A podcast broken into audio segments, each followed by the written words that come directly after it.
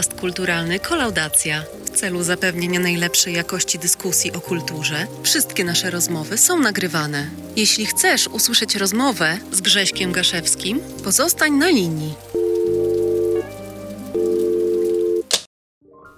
Halo. Hej, Dzień dobry Tomku, a raczej dobry wieczór. dobry wieczór. Co u ciebie? A wszystko w porządku, dużo pracy. Środek tygodnia, zaraz czwartek, potem piątek. Wiesz jak jest. Wiem jak jest. U mnie też niestety dużo pracy, więc W usługach, tak to bywa. Ale nie po to się tutaj dzwoniliśmy, żeby rozmawiać o smutnych rzeczach w środku tygodnia. I No miałem, miałem ochotę rozpocząć naszą rozmowę od... e, Nie ukrywam, nie ukrywam, to trochę nie przystoi człowiekowi, który ma tak zwane laleczki na półce, ale chciałem zacząć od e, troszeczkę takiej delikatnej, delikatnego takiej żartu, troszeczkę takiej uszczypliwości, o, może w kierunku marki, którą się dzisiaj będziemy zajmować, e, czyli, czyli, tra, czy, czyli Transformersy, od razu zdradzę.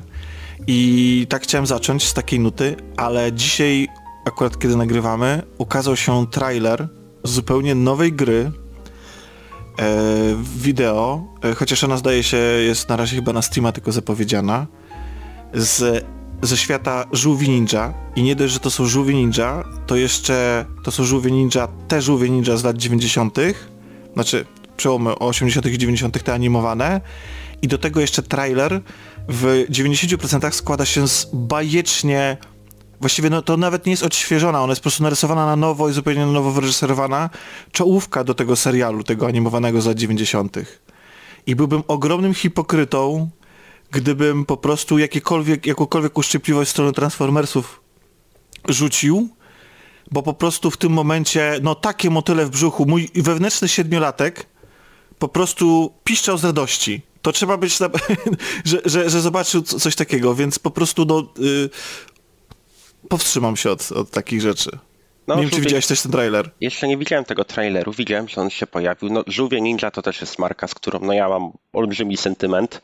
Yy, ogólnie te, wtedy tamten okres, yy, ten taki, może to trochę później niż siedmiolatek u mnie był, yy, tak raczej 8-9, bo no bo już tam jakieś tam szczegóły życia inne trochę pamiętam, jak się bawiłem tymi, tymi żółwiami, E, ale ogólnie wtedy o tych takich antropomorficznych stworach e, to trochę było, bo to były i żółwie. Motomyszy potem po z żółwiach były motomyszy, a potem był jeszcze jakiś taki o rekinach kreskówka.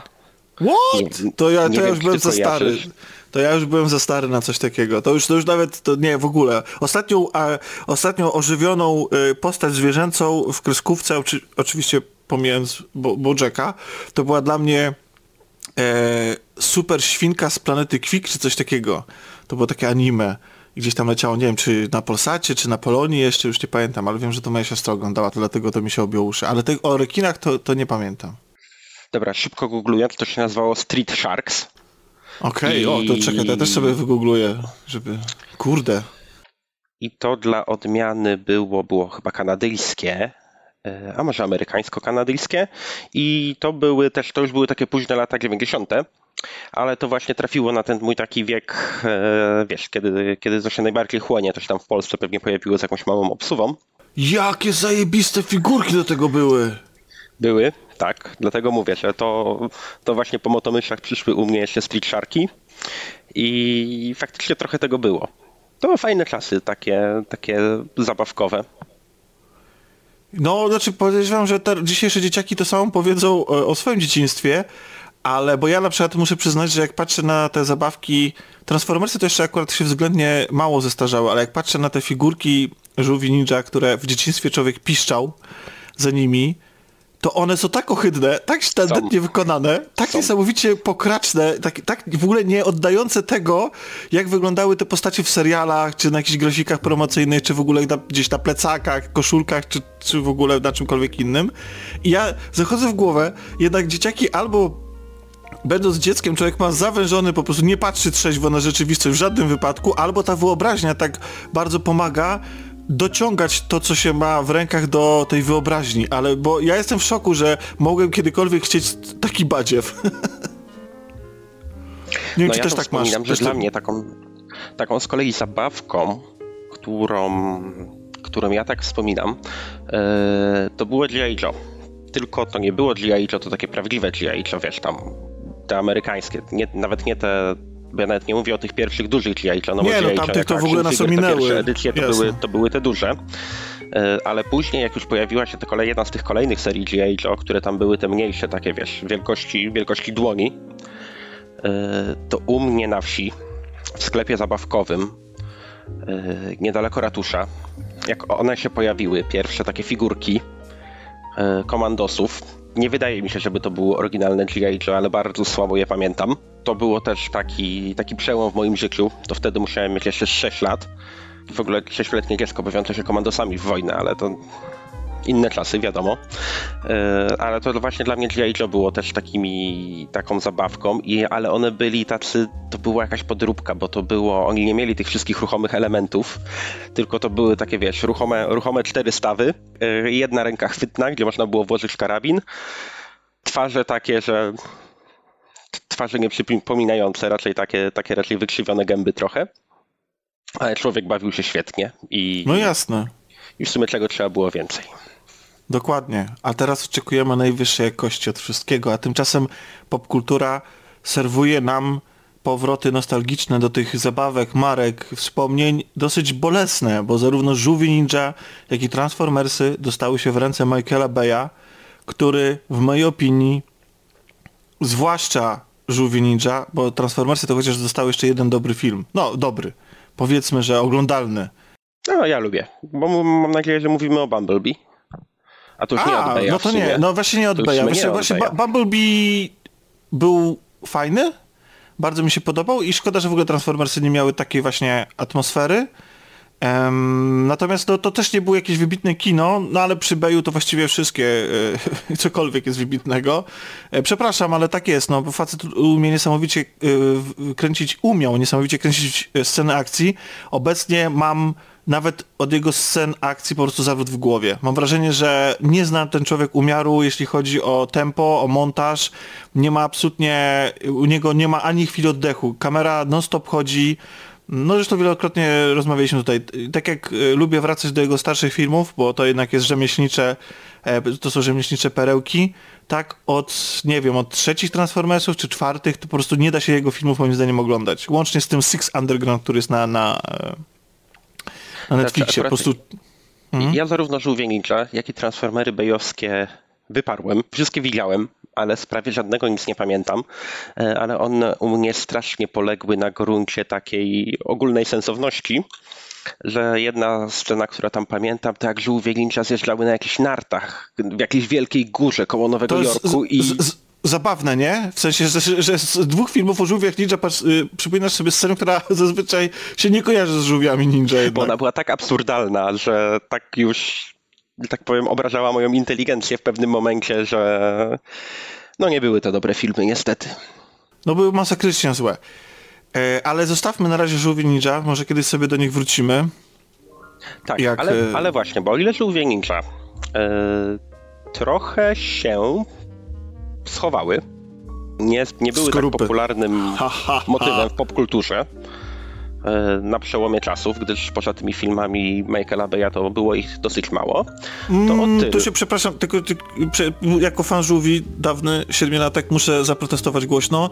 Była, był na przełomie e, dziejów, była kreskówka Nickelodeon, nie ta najnowsza, tylko ta wcześniejsza, chyba z 2013 roku chyba ona była, którą ja nawet jako dorosły bardzo doceniłem za morały, które moim zdaniem jakby jest bardzo, to była całkiem klawa i niegłupia e, kreskówka, taka animacja 3D, którą można moim zdaniem pokazywać dzieciakom, tam są, coś może z tego wyniosą, plus bardzo fajnie już dla mnie, dla, dorosłego, były fajnie zrealizowane sceny akcji, naprawdę pomysłowo, bardzo fajnie ustawiona kamera, wykorzystanie tego 3D, więc...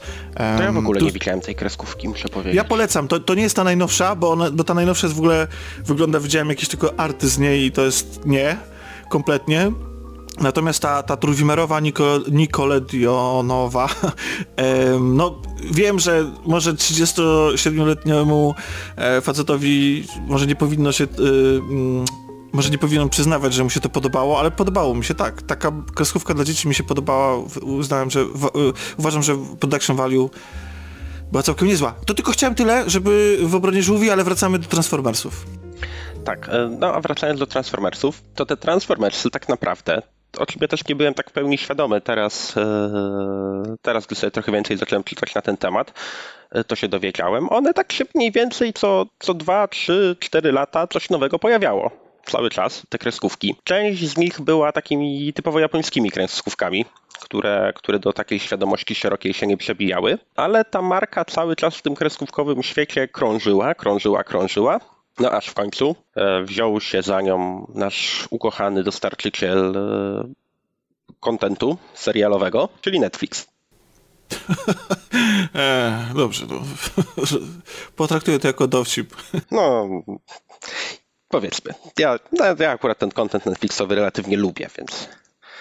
Ale ja jestem mało wymagającym widzem. No nie mów tak tuż w recenzji y, tego. Czy jesteś, czy, czy jesteś wymagającym y, fanem Transformersów? Jestem wymagającym fanem Transformersów. Tu akurat jestem wymagający. No i może tak.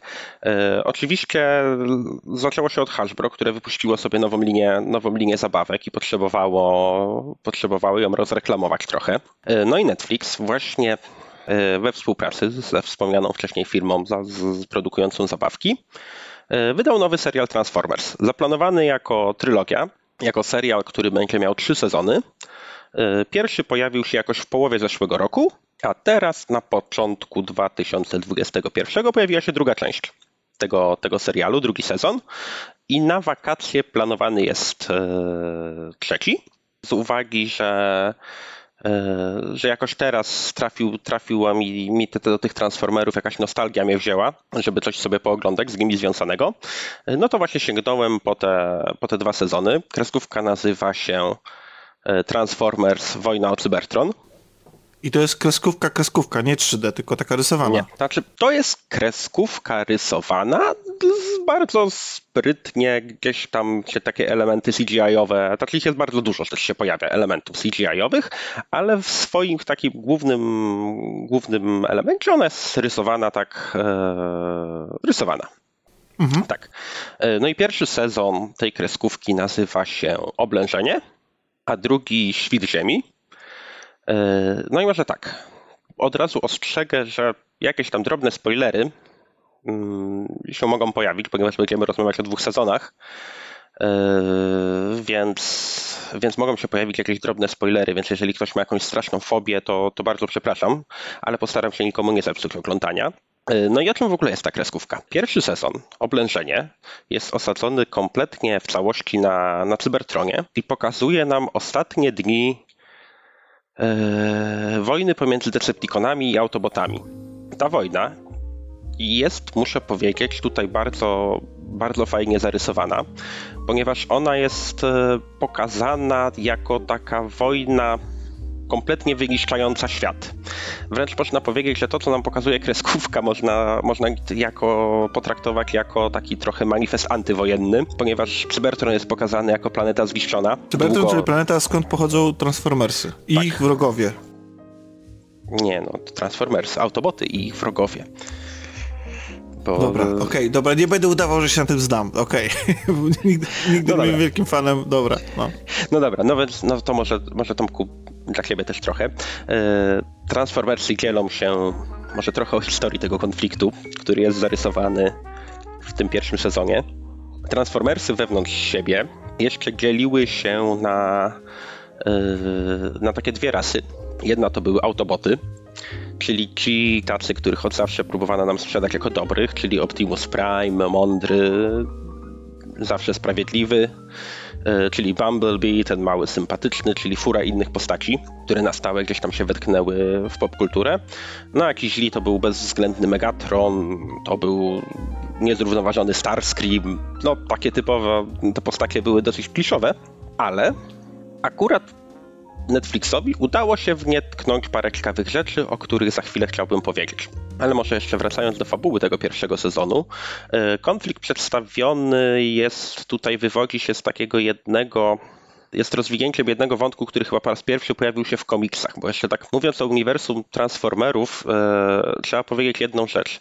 E, to jest uniwersum ogólnie, w którym powstało bardzo wiele kreskówek i bardzo wiele innych dzieł kultury, bo tak również komiksów, również, również gier, e, ale mało które są ze sobą powiązane. Tam Reset Uniwersum to jest e, po prostu każdy bierze sobie jakieś założenia, każdy bierze postaci i robi, pisze sobie od nowa. E, No i w jednym z komiksów zostało przedstawione, to jest, chyba częścią oficjalnego lore tej pierwszej generacji, że e, Decepticony były taką troszkę klasą robotniczą na Cybertronie. Były uciskane przez, przez Autoboty. No i Megatron, który, który był, tak powiem, bardzo silny, bardzo wojowniczy. Podczas takich walk gladiatorów na arenie. Czyli jeszcze, się byli, wyzwolić. czyli jeszcze byli niewolnicy i gladiatorzy, tak? Tak, zdołał się wyzwolić i poprowadził rewolucję. Taką, taką robotniczą wręcz można powiedzieć. Ale twist, czyli nagle okazuje się, że Decepticony wcale nie są takie złe do szpiku i od zarania. No, no, no nie są, aczkolwiek, e, aczkolwiek Megatron jako władca, no to też pokazuje trochę, tu z kolei wiesz, można trochę tego amerykańskiego typowej propagandy pokazać, że ta, że ta rewolucja robotnicza gdzieś tam kończy się jakimś ustrojem totalitarnym na końcu, gdyż Megatron jest władcą surowym i e, i, i takim, który rozprawia się ze wszystkimi bez, bez żadnych sentymentów. No ale wracając, wracając do samej fabuły, fabuły tego, co się dzieje, no to właśnie wojna powoli zbliża się ku zmierzchowi.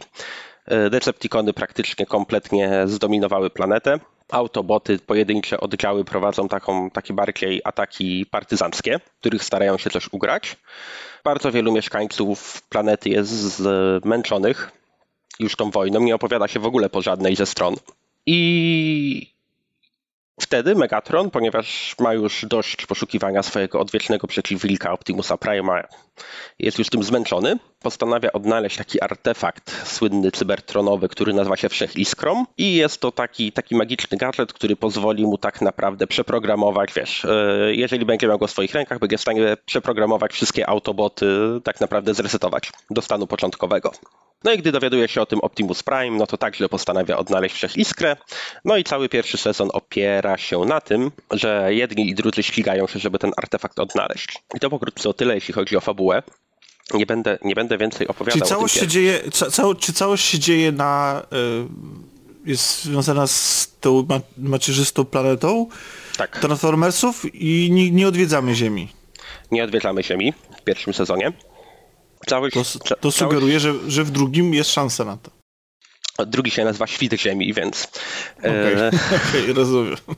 więc już w tytule dostajemy No dobra, mały a, spoiler. no, a co, E, ale co, w tym, co w tym drugim sezonie? Jeszcze chciałbym wrócić trochę do pierwszego Mhm. na początku, bo chciałbym trochę opowiedzieć o tym, jak postaci zostały przedstawione, gdyż te są to postaci, które przewijają się w tej naszej popkulturze od tych lat 80. To są cały czas te same postaci, które w ogóle, których design w ogóle jest bardzo zbliżony do tego, co oferowała nam generacja pierwsza.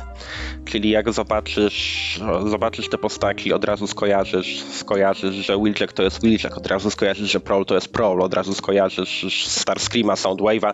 Oni wyglądają dokładnie tak samo, jak wyglądali w generacji pierwszej, ale pod względem charakterów zostało tu zrobionych kilka fajnych, e, fajnych rzeczy, ponieważ to, co już mówiłem, trwa wojna, walczą ze sobą dwie strony, ale tak naprawdę bardzo duża część planety jest już tą wojną zmęczona i kompletnie niezainteresowana.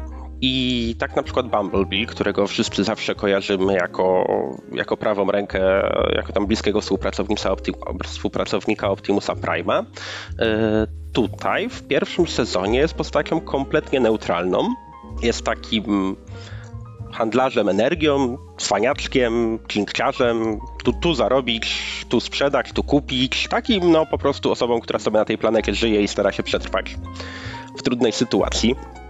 Dopiero tam opowiada się w dalszej części po jednej ze stron.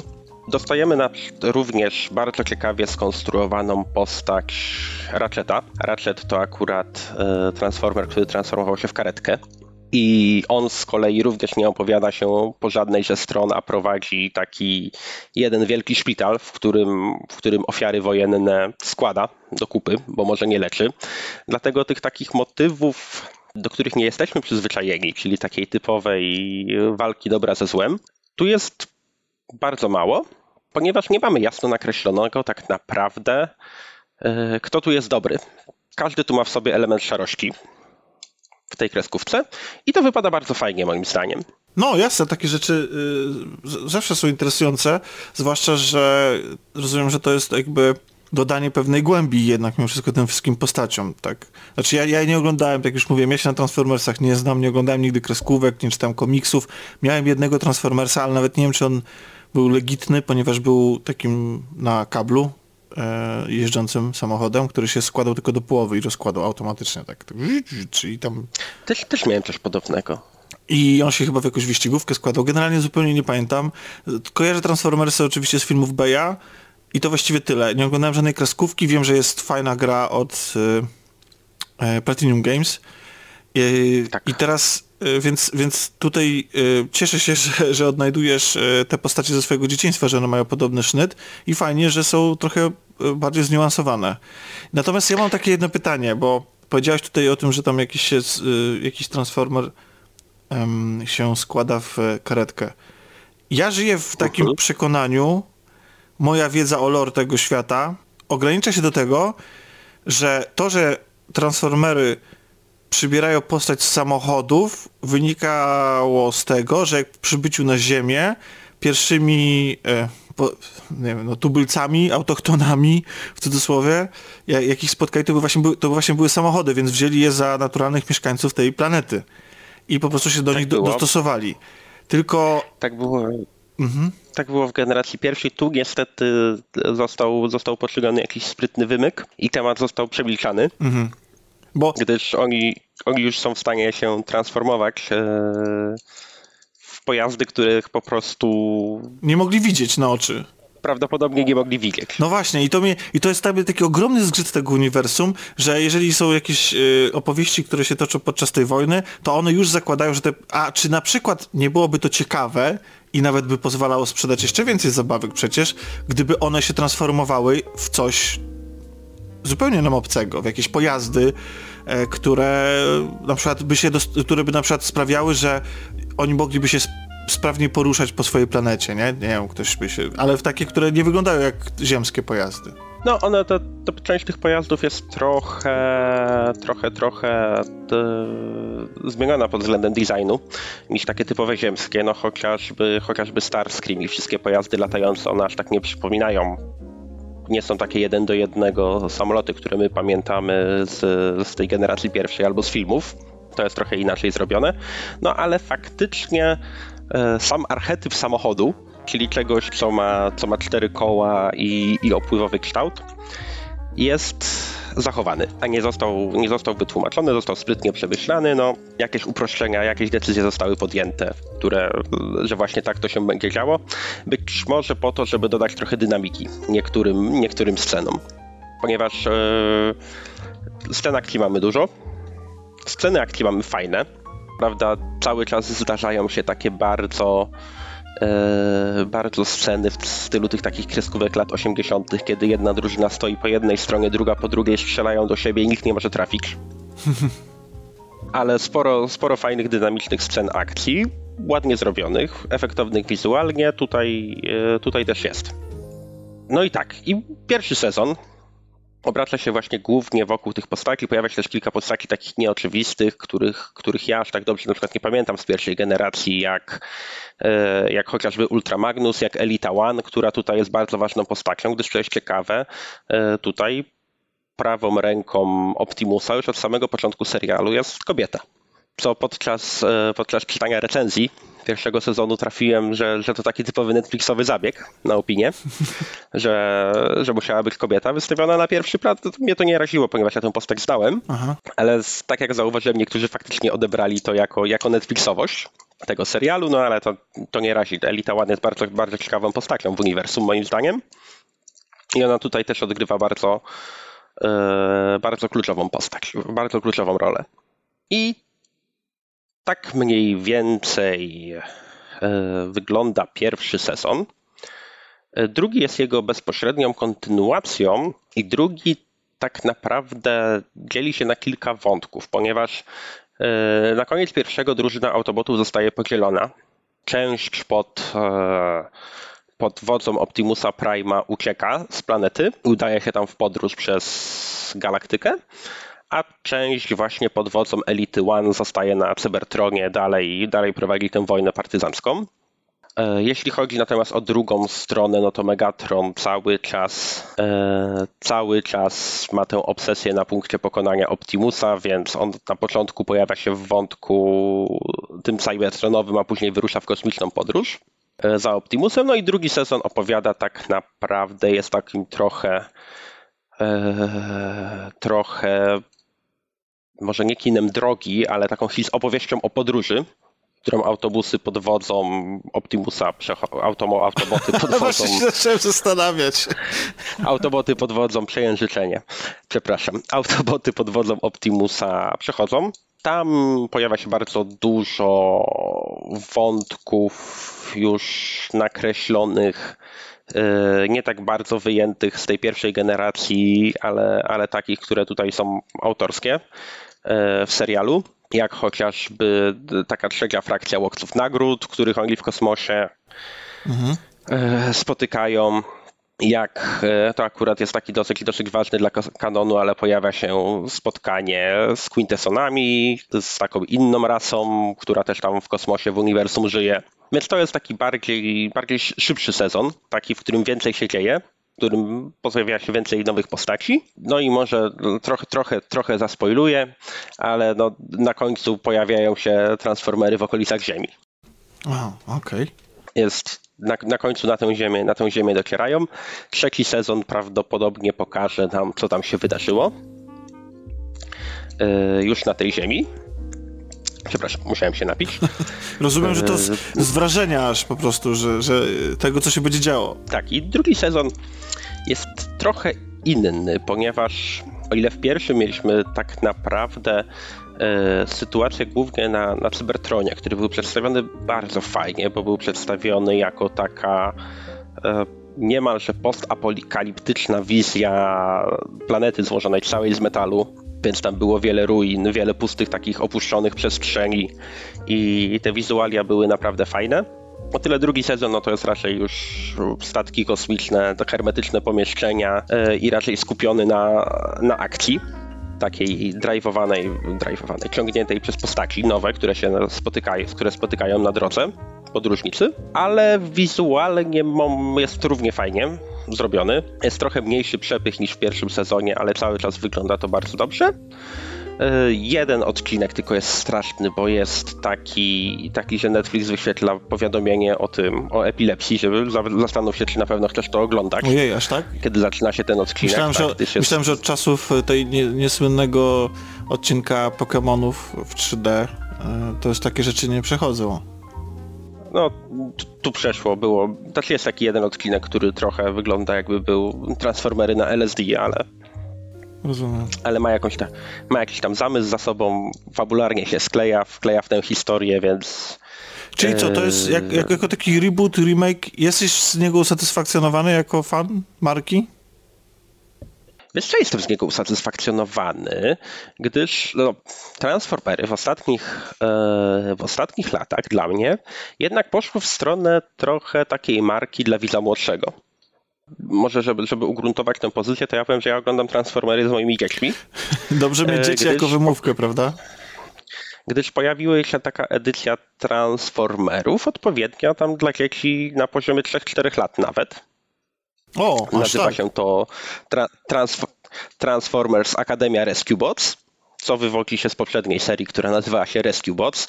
Rescue Bots to były takie transformery, które pomagały ludziom. Był jeden transformował się w samochód policyjny, jeden w wóz strażacki i one pomagały ludziom, wiesz, na tej, na tej zasadzie, jak, jakbyś teraz pooglądał nowe kreskówki, to tak jak kreskówki, jak my byliśmy mali, to zawsze były oparte o, o walkę że ktoś z kimś walczył. A teraz te wszystkie kreskówki dla dzieci, te najpopularniejsze, jak jakiś Psi Patrol, jak jakieś Super Wings, jak te wszystkie kreskówki, one się opierają na tym, że ktoś komuś pomaga. Mhm. I właśnie również Transformery zostały takie wypuszczone jako... No dobra, jako... Jako takie, które mają pomagać. Znaczy, znaczy no dobra, no ale to, no, no to co, one już nie walczą z tymi Decepticonami? No w tych, w tych seriach dla dzieci nie. Tam Decepticony pojawiają się tylko jako takie, wiesz, hasło, klucz, że musimy być gotowi, jeżeli kiedyś będziemy musieli się zmierzyć, ale na przykład w tych, których ja oglądam z moimi dziećmi, to w tej Akademii Rescue Bots to jest w ogóle, tam nawet nie pomagają ludziom, tylko uczą się jak pomagać ludziom, mm. tam Transformery się uczą, że na Ziemi trzeba dbać o zwierzaki, bo jak, nie wiem, jak znikną wszystkie pszczoły, to, to spotka no, to nas apokalipsa. Ale to przecież takie, to tak jak te morały, które były w tych kreskówkach w latach 90., które oglądaliśmy, e, że po odcinku wychodził Himen, czy tam ktoś inny i mówił, no dzi dzieci w dzisiejszym odcinku nauczyliśmy się jak dbać o planetę. Czy tam jak pomagać słabszym. No, tu, tu mniej więcej też tak no, to super. wygląda, z tym, że jest, z tym, że jest całkiem fajnie przedstawione, więc te Transformery poszły w stronę takiej bajki, bajki dla młodszego odbiorcy, animacji. Natomiast to jest to jest zdecydowanie moim zdaniem dla odbiorcy starszego. Eee, raczej, raczej od takiego wieku nastoletniego w górę, gdyż pojawiają się tu no czasem, e, czasem te ciężkie takie motywy wojenne.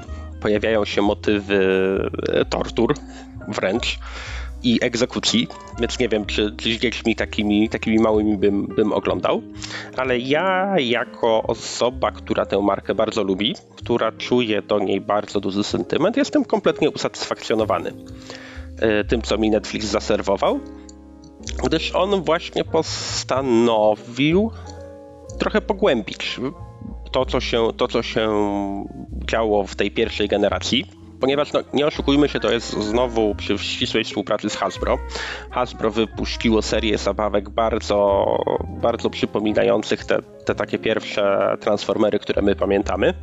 Tą taką pierwszą generację, które ja pamiętam, bo ja oglądałem. I, I one też tak wyglądają tutaj, więc to jest idealne dzieło, takie trochę nostalgiczne, poruszające te takie czułe struny dla kogoś, kto tę pierwszą generację oglądał. I dla mnie to jest super przy czym jednocześnie zrobili wyraźny krok do przodu, jeśli chodzi o warstwę fabularną. Bo nie jest to już taka trywialny konflikt, nie wiadomo o co, że jedni chcą strzelać do drugich, tylko że faktycznie jakaś, jakaś historia chce być opowiedziana w tej kreskówce głębsza. No to super. I to jest fajne. To super. To w takim razie już bo miałem się zadawać pytanie, czy byś tam e, oglądał to z dziećmi, no ale już wyprzedziłeś się i opowiedziałeś, że są i dla młodszych dzieci. Podejrzewam, że że może jakby jakiś rodzic chciał na fali nostalgii oglądać ze starszym, e, no to jest zawsze jakieś, jakieś, jakaś platforma porozumienia. No okej, okay, jakby widać, że w takim razie przynajmniej w tej, jeśli chodzi o animację, dbają o to, o tą markę i ją rozwijają.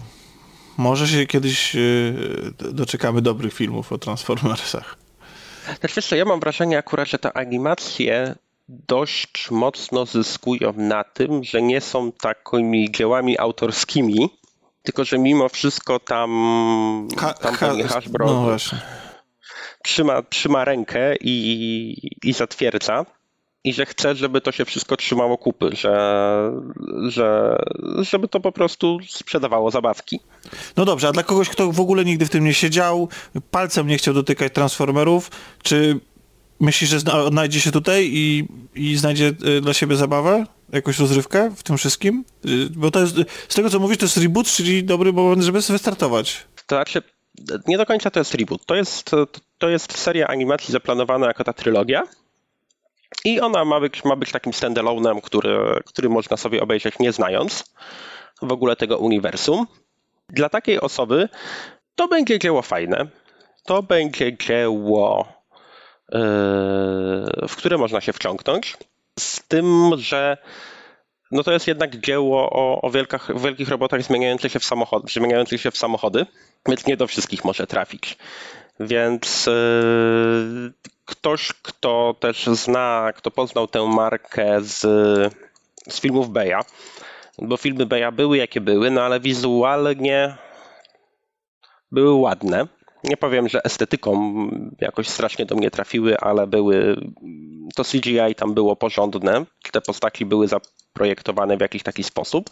No dla takiego widza to z kolei może się ten design wykazać, okazać trochę zbyt, e, zbyt młodzieżowy, no ponieważ on ściśle nawiązuje do tych, do tych starych czasów. Aczkolwiek ja polecam zerknąć chociażby na pierwszy odcinek, może ktoś się zainteresuje, może do tego podejść jak, jak do normalnego innego e, anime.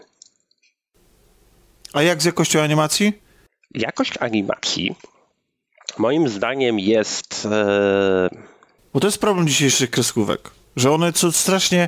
Ja ostatnio na Netflixie pojawił się Kajko i Kokosz i zestawiając to chociażby z jakąś kreskówką z... No nie wiem, no z, sprzed, nie wiem, 15 lat. To po prostu to jest niebo a Znaczy, ziemia. Akurat Kajko i Kokosz, Kajko i Kokosz ma ten problem, że nie pamiętam, gdzieś przeczytałem na Twitterze, ktoś napisał, że trochę wygląda jakby został zrobiony we, w Adobe Flash Playerze. No dokładnie. jak te takie animacje, które powstawały te 15 lat temu na początku Adobe Flash Playera. I, I on niestety ma taki vibe. Tu ta animacja, e, no nie powiem, no to nie jest, to jest poziom Netflixowy, ale solidny poziom Netflixowy. Ona, ona wygląda, wygląda porządnie. Taki trochę poziom bym powiedział Castlevanii, tym, że tutaj ta animacja wygląda trochę inaczej przez to, jak wygląda ten świat, bo ten, ten świat jest bardzo kanciasty, ten świat jest pociągnięty kolorystyka takim metalicznym filtrem, więc to wszystko wygląda jakby było zrobione, zrobione z metalu. I ta animacja wy, wypada, nie jest to nic, co by, co by urywało głowę, ale jest bardzo ładnie, bardzo przyzwoicie. Na, na ten efekt, który właśnie można było e, osiągnąć postaciami, które same w sobie w założeniach nie poruszają się tak płynnie jak istoty ludzkie. Czyli polecanko. Polecanko. Aktorsko jeszcze tylko może A właśnie powiem, jest- jest polski dubbing? o... Wiesz co, nie wiem. Nie sprawdzałem. To błąd po mojej stronie. Powinienem, powinienem, powinienem na to zerknąć. No ja oglądałem z, po angielsku i po angielsku no niestety niektórzy aktorzy wypadli dosyć metalicznie również, ale może był to, Celowy był to zabieg. zamierzony efekt. Był to może właśnie celowy zabieg, ale no, nie jest. Jest kilka widać wzlotów i upadków. Są lepsi i gorsi aktorzy, którzy się tutaj prezentują. No dobrze. Czyli co? Czyli mamy transformery, możemy się y, transformować w, powoli ku końcowi. E, Tak, znaczy ogólnie jeszcze może podsumowując, ja się cieszę, że, że ta marka, że Bayowi nie udało się zatopić to, co, tego, co było w niej fajne. Że właśnie teraz Netflix podjął, podjął taką próbę e, tego, e, tego rebootu właśnie w tym takim klasycznym wydaniu i dla mnie to jest, to jest bardzo fajny pomysł i, i ja wróciłem z bardzo miłą chęcią do tego świata. Wiesz co, to jest trochę tak, że tak samo jak na przykład animacje ze świata DC też są bardzo dobrze odbierane, raz lepiej, raz gorzej, ale generalnie ogólny odbiór jest pozytywny dużo bardziej niż to, co się dzieje w filmach aktorskich. Może to jest trochę tak, Ale poczekaj, cztery dni jeszcze zostały, więc a wiesz. do, do, do premiery Justice League. No, podejrzewam, że jeśli ktoś nas słucha, to już będzie słuchał raczej po premierze tego wiekopomnego dzieła, odgrzewanego, nie, odgrzewanego kotleta, który z, z martwych staje niczym Superman w tym filmie. No, nie wiem, jakie masz oczekiwania. Ja przyznam szczerze, liczę na, na po prostu na maksymalny po prostu patos, Snyderadę e, i po prostu, że ten, bo to jest, to jest trzeba przyznać, znaczy e, to nie jest tak, że ja hejtuję Snydera całkowicie, absolutnie. Bardzo dobrze się bawiłem na 300, kiedy wyszli. Super się bawiłem na i w ogóle czekam na ten nowego film o zombie na świcie żywych trupów. E, u, teraz z perspektywy wszyscy są mądrzy i mlaskają na to, że Watchmeni to tacy są, no ten ci komiksowi to jednak lepsi, że Snyder nie do końca zrozumiał, że coś tam i tak dalej. Ale kiedy on wszedł do kin, kiedy się nie miało zielonego pojęcia o tym, czym są Watchmeni, to ten film też dawał radę, jak najbardziej. Mało tego, był zupełnie czymś świeżym i nawet nie głupim. Więc wydaje mi się, że po, po, Ja, ja. Mhm. ja akurat wiedziałem, ja akurat wiedziałem i mi, mi akurat rozwiązanie akcji Snydera nie do końca się podobało, ale ten film i tak był moim zdaniem super. Jak na adaptację komiksową, szczególnie jak na adaptację Alana Mura, którego nie adaptuje się łatwo. no a i tak później... Snyder tam, tam A ogarnął. później przyszedł czas y, Supermana, Batmana i reszty ferajny i no i niestety po prostu o ile jeszcze Superman jakoś się bronił chociaż był niesamowicie głupi i po prostu miał tyle momentów emocjonalnych tak dziwnych, tak, tak w ogóle trudnych do ang- zaangażowania no to już po prostu potem to już była równia pochyła. Ym, i tutaj ocenianie samego Justice League i tego jak, jak to ostatecznie ten film wyszedł, zrzucanie tego wszystkiego na Snydera jest może mm, yy, może nieodpowiednie też, bo on miał raz, że miał osobiste problemy i to jest jedna rzecz i, i tutaj na pewno to wpłynęło yy, na proces twórczy, ale też no, nie do końca później po, po tej tragedii, która się wydarzyła w jego życiu nie nie miał wpływu już po prostu na ten film. Zostawił go i przejął go ktoś inny e, i on tam swoje też palce maczał, ale muszę przyznać, że trzeba mieć jednak jaja, naprawdę. Naprawdę trzeba mieć jaja, żeby przyjść, znaczy jaja albo po prostu się skusić na dużą kasę od HBO żeby przyjść i po prostu coś, co jest uznane za jedno z, z najgorszych, znaczy nie wiem, z najgorszych, na pewno naszych czasów, najgorszą adaptację, czy jakąkolwiek w ogóle po prostu y, komiksową opowieść, taką nowożytnią powiedzmy, od Ironmana licząc, y, po prostu próbować y, sprzedać nam jeszcze raz jako coś wiekopomnego i godnego czekania. Więc tak, czekam bardzo. Chcę, chcę, się totalnie przekonać, jak to z tego wyjdzie. Ja też, ja też bardzo czekam, ale bardzo mnie przeraża długość tego dzieła. Cztery godziny. E, tak. Ale będziesz miał podzielone ja... na rozdziały, żebyś sobie mógł spokojnie, wiesz, przerywać i oglądać przez cały tydzień.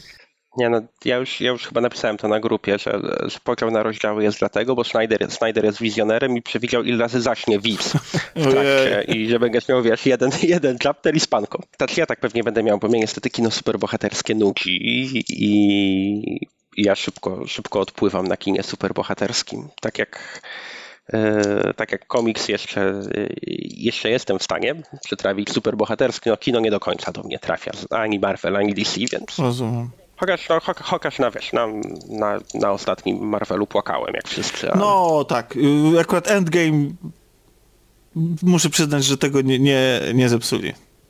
Znaczy, mimo wszystkich swoich marvelowatości, które tam były, e, to, to były emocje. Tak, tak. Były emocje i to im, to im się udało świetnie. Na pewno, tak, no. tak jak były, były gdzieś tam dziury logiczne, to emocjonalnie dowieśli bardzo mocno i mi się bardzo podobał film. Tak samo nie można, znaczy nie można absolutnie odmówić im tego, że jednak mimo wszystko, mimo tego, że poszczególne filmy można różnie oceniać, ja zazwyczaj oceniam je dosyć nisko, pod względem filmowym zwłaszcza, to finał, to jak to jak to wykorzystali te 10 lat na rynku, to jak to sobie to zbudowali, no to muszę przyznać, że tylko wielkie pieniądze, wielkie hollywoodzkie, um, nieobliczalne i takie e, zamordystyczne korporacje są w stanie wyprodukować taki, tak perfekcyjnie taki produkt, który jest na pewno wydarzeniem. E, I wydaje mi się, że dla wielu ludzi to jest wydarzenie pokoleniowe, i dla, bo spędzili dekadę z tymi bohaterami, więc niektórzy byli dzieciakami,